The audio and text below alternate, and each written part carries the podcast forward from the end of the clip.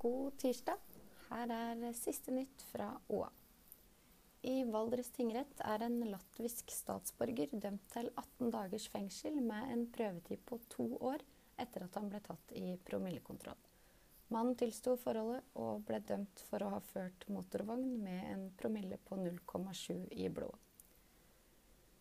Østre Toten kommune påla stans i byggearbeidene med øyeblikkelig virkning da det ved en befaring blei oppdaga ulovlig boligbygging på en eiendom ved Lena. Huseier skal ha revet et eksisterende bolighus og begynt bygging av et nytt uten at det var søkt om tillatelse. Østre Toten kommune har nå varsla husbyggeren om at tillatelse kan påregnes dersom riktig søknad sendes. Svein Erik Strande har skrevet bok om 300 gatenavn i Gjøvik. I boka med tittelen 'Gatenavn i Gjøvik' tar Strande deg med fra A til Å gjennom Gjøvik sine historiske gatenavn. Du kan lese mer om saken på oa.no.